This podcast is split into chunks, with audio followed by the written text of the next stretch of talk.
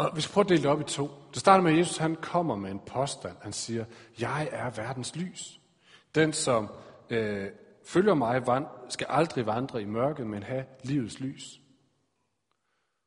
Og så afsporer farisæerne snakken, eller Jesu påstand, med en eller anden snak om noget juridisk, som har en hel masse detaljer. I dag vil vi springe hele anden halvdel over, og bare fokusere på den påstand, Jesus han kommer med, jeg er verdens lys.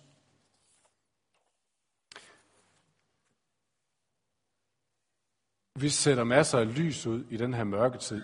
Det har altid været tradition for, tror jeg, i Danmark, hvor der er mørkt om vinteren. Og det er ligesom, at man, det er sådan en, et lys på trods. Sådan et lys, der siger, vi vil ikke finde os i mørket, nu tænder vi lys, for ligesom at være i trods til mørket.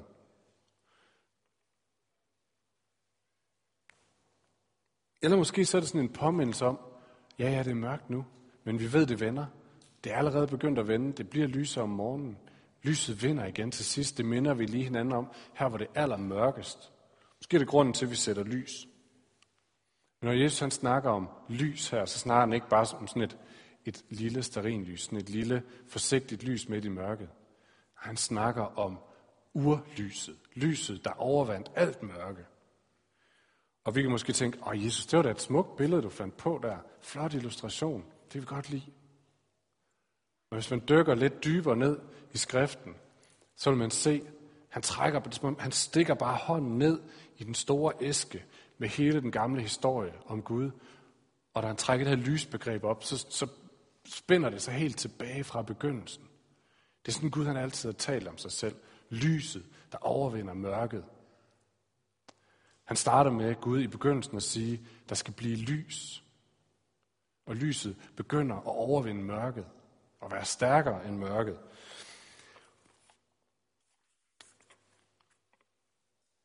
Så når Jesus han snakker om lys, så snakker han ikke om, Nå, hvad er lys i forhold til mørke? Nej, han snakker helt grundlagt om, hvem er Gud? Han er lyset. Han er det lys, der overvinder al form for mørke. Sådan er Gud altid været. Og derfor vi snakker om epifanitid. Det er fordi Gud åbenbarer sig som lyset, der overvinder mørke. Og fordi det er sådan et tema, der går igennem hele det gamle testamente, så er der masser af betydninger af det her lys. Masser af betydninger af det her lys, og det vil jeg prøve at tage frem i dag. Bare lige tre af de betydninger, lys har i det gamle testamente. Og jeg tror faktisk, at hver af os, hvis vi lytter efter, kan tænke, den her betydning af lys, det er det Gud, han vil minde mig om i dag. Måske lige i dag, måske i den her periode i mit liv, måske for det her næste år, der ligger foran, foran os. Så når vi snakker om lys her, er det betydning af, at Gud kommer nær. Hvad vil det sige, når Gud er nær? Og de tre betydninger er, at lys har en funktion. Det lyser op i mørke. Den anden er, lys oplyser ting, som man kan rydde op. Og den tredje er, lys sætter en retning, man kan følge efter. Alle tre er i det gamle testamente på forskellige måder. Så den første omtale af lys er lys, der oplyser mørket. Der skal vi bare nogle få kapitler tilbage i Johannes evangeliet, som vi læste fra før. Helt i begyndelsen af Johannes evangeliet. Der er Johannes i gang med på sådan en poetisk måde at beskrive, hvad vil det sige, når Gud han kommer som et lille barn. Og han siger det på den her måde. Lyset skinner i mørket, og mørket greb det ikke. Altså, når Jesus han træder nær i vores liv, når vi inviterer ham indenfor, så er det ligesom, når lys kommer ind i mørke.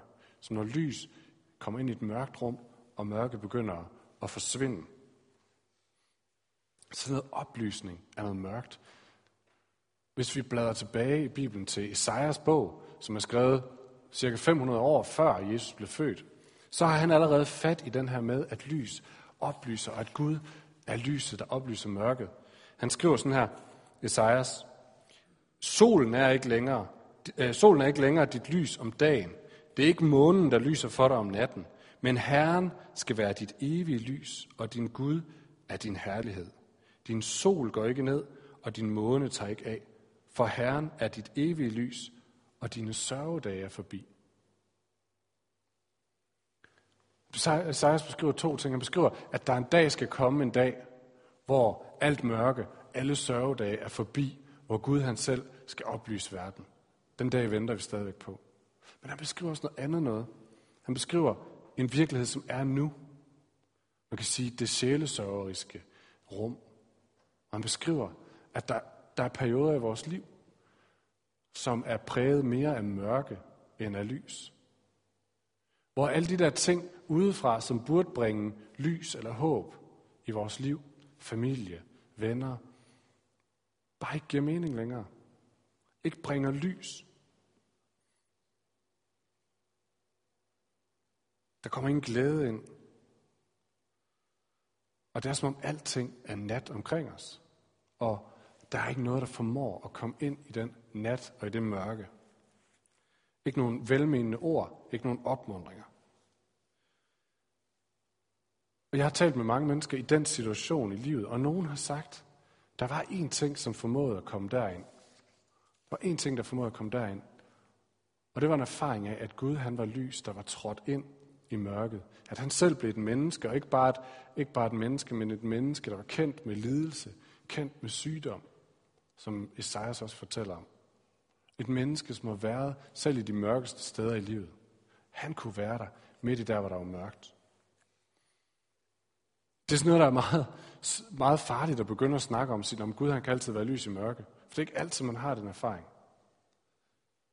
Men nogen har givet det vidnesbyrd og sagt, der hvor der var allermørkest, der kunne Guds lys få lov at trænge ind og lave den her oplysning. Et lille bitte rum, hvor der var en lille smule håb og en lille smule mening. David i det gamle testamente, tusind år før Jesus, skrev det sådan her. Herren er mit lys og min frelse. Hvem skal jeg da frygte? Og juleaften læste vi en tekst fra Esajas bog igen 500 år før Jesus, hvor der stod, det folk, der vandrer i mørket, skal se et stort lys.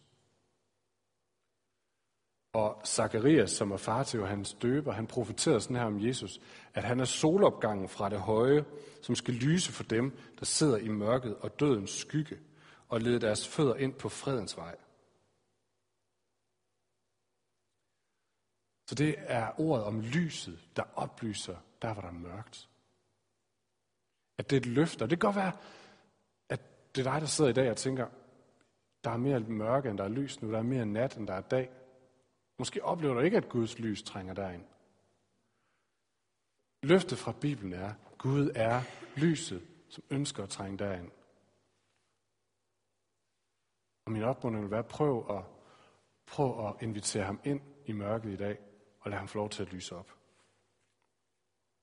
Det er ikke et krav, men det er en invitation fra Gud. Så det er det ene aspekt, lys, der oplyser, oplyser mørket.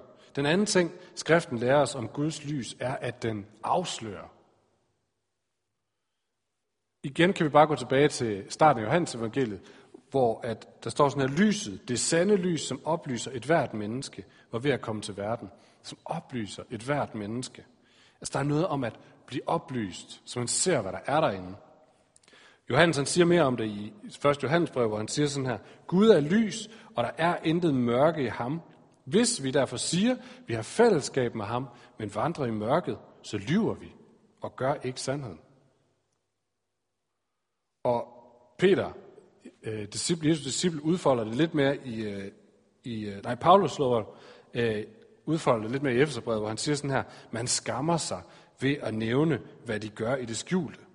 Alting kommer for dagen, når det afsløres af lyset. Så der er altså også noget med, når Gud kommer nær, når Guds lys kommer nær, så bliver der lyst op, og det bliver afsløret, hvad der er. Som nogle af jer ved, så arbejder jeg i et fængsel. Thomas og jeg var nede og spille julegudstjeneste for dem. Og dernede, der sidder alle dem, hvis skumle, skjulte gerninger blev afsløret af lyset. Det, de gik og gjorde i det skjulte, det blev opdaget. Hvad skete der? De fik en dom, de blev buret ind, de fik deres straf. Så kunne de holde op med at gøre det. Det er ikke den betydning, det handler om, når Jesus han snakker om, at han er lys, der oplyser og viser, hvad der er på indersiden. Det er ikke den her øh, model. Det, der mere er, eller det lyset er her, det er, at det viser et billede, når Gud kommer ned og viser det et billede af, hvordan det skulle være.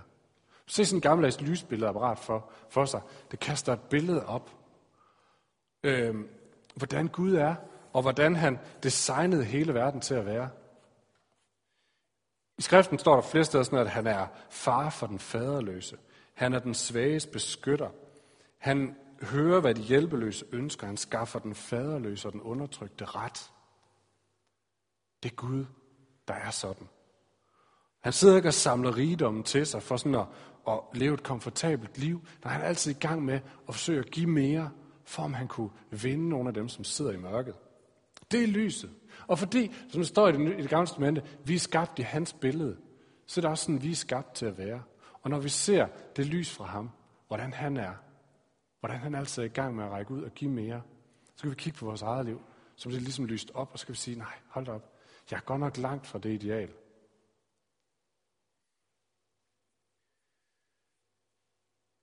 Lyset fordømmer ikke vores liv. Vores eget liv fordømmer vores liv. Lyset viser os bare, hvem var det, vi var skabt til at være. Hvem er vores far? Og så kan der komme en dag, der kommer en dag, den sidste dag, dommens dag, hvor Gud han siger til mennesker, okay, du ønskede ikke at følge mit lys og være i mit lys, så må du også selv bestemme det, så får du lov til at gå din mørkes vej. Men indtil da, så er der hver dag mulighed for at vende om til ham og sige, det lys vil jeg være i. Det billede, det er smukt. Det vil jeg gerne ligne mere. Og så vil hans lys rense selv de mørkeste steder i vores liv. Det er lyset, det er nåden. Og måske er det det, Gud taler om til dig for den her periode i dit liv, eller for det her år. Der er simpelthen noget, der skal ryddes op. Ikke fordi han står med pegefingeren, men fordi han viser dig et billede af, hvad du var skabt til. Det var noget meget bedre. Og der er bare nogle ting i dit liv, hvor du tænker, det ligner bare ikke det billede af den fantastiske Gud. Der skal ryddes op nu. Måske er det det, han taler om til dig.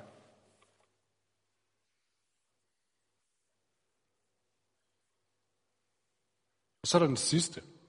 Lys giver retning. Øh, lige lidt som baggrundsviden. De her ord, som vi læste hos Jesus, de blev sagt i forbindelse med løvhyttefesten. Og står der i Johannes evangeliet. Og løvhyttefesten var en, en fest, hvor de mindedes, at de levede som frigivende fra Ægypten. De levede i ørkenen på ørkenvandringen. Og de mindedes, hvordan Gud var trofast på den vej. Og når vi læser om den vandring i det gamle testament, så skal vi læse, at på hele den lange vandring, som varede 40 år, der havde de én ting til at vise vej. En ildsøjle. Så når Jesus han siger det her, jeg er livets lys, eller verdens lys, så har de helt sikkert, deres hoveder har været fuld af billeder fra den her øh, fest, de mindedes. Så de har tænkt ildsøjlen. De har tænkt lyset, som gik foran dem. Lyset, som skulle følge dem. Lyset, som viste dem vej til det forjættede land, til det gode liv. Så de har hørt Jesus sige, jeg er den, som viser vejen. Og hvis du følger efter her, så kommer du til det gode liv. Du kan bare følge efter mig. Øhm, David i det gamle testamente, igen tusind år før Jesus, sagde det sådan her, dine ord er en lygte for min fod, et lys på min sti. Guds ord, Guds lys, giver retning til det gode liv. Og jeg tænker sådan lidt, hvis, hvis vi kigger på samfundet omkring os, så er der i hvert fald én ting, vi ikke har, og det er retning. En ting, samfundet sådan som helhed ikke har, det er retning. Så vi diskuterer hele tiden, skal vi gå ind i krigen mod terror? Skal vi ikke gå ind i krigen mod terror? Skal vi modtage nogle flygtninge? Skal vi ikke modtage nogle flygtninge? Skal vi lade dem bygge en moské, eller skal vi jage dem alle sammen ud? Skal vi anerkende, at vi er skabt som mand og kvinde, eller skal vi bare lade det hele flyde? Der er hele tiden, det er som om, vi har ikke noget pejlemærke. Alt er til diskussion, og der er ikke nogen, der kan komme med, ligesom at sige, hey, her er den gode vej. Der er ingen retning. Øhm, lige for tiden, så kommer der en hel masse film, hvis I lægger mærke til det biografen, som handler om Danmarks historie øh, på forskellige måder. 1864 og øh, Under sandet og masser af andre film, som handler om Danmarks historie. Og jeg hørte øh, nogle filmanmeldere i, i radioen i går, som sagde, at deres, deres analyse af det her, det var, at vi havde mistet vores identitet som danskere. Vi vidste ikke rigtig længere, hvem vi var og hvad vi ville. Så derfor så forsøgte vi at fortælle de her fortællinger om, hvem er det nu, vi er. Hvad er det nu, der har formet os? Hvem er det nu, vi er?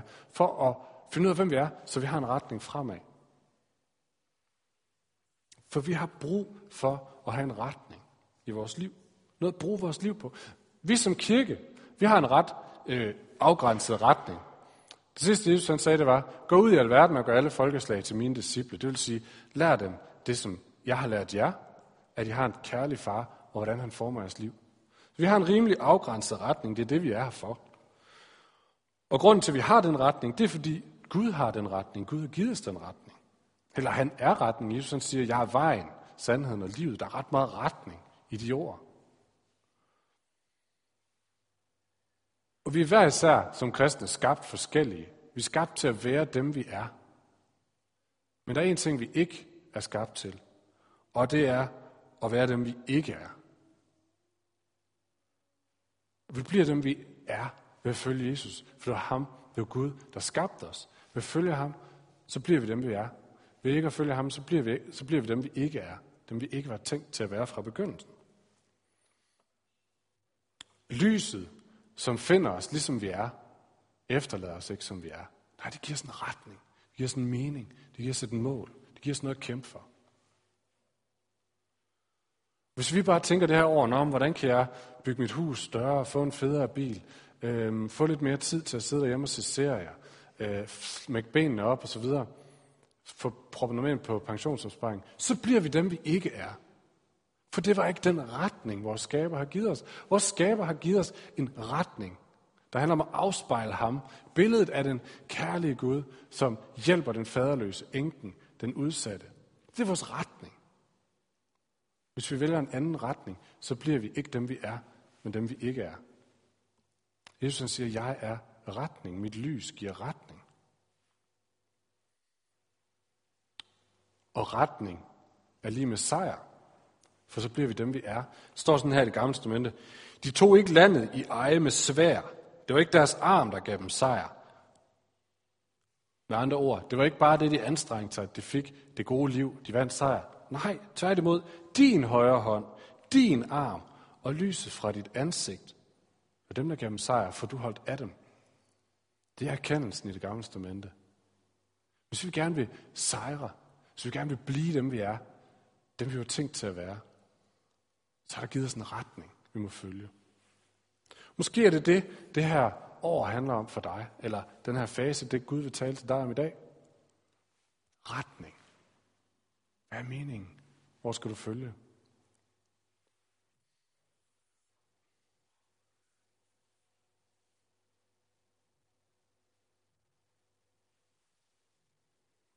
Hvor finder vi retning?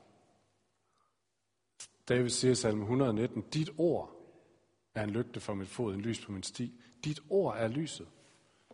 Guds ord er fyldt med retning. Læser vi heri, så kan vi se, hvem Gud er. Vi kan spejle vores liv i ham. Det giver retning. Så måske er 2016 for dig et Bibelens år, et skriftens år, hvor du skal dykke længere ned, lave dig nogle rytmer, så du virkelig får spist noget af den her bog. Jeg har selv lige signet op for sådan en one-year Bible reading plan, for at få læst Bibelen i år 2016 igen. Kom ordentligt ned i den. Ja, det kræver et kvarter 20 minutter hver dag. Og hvad så? Hvis det giver retning, så er det det værd. Hvis jeg bliver den, jeg skal være, den jeg er, så er det det værd. Måske er 2016 et bibelår for dig. Overvej lige det.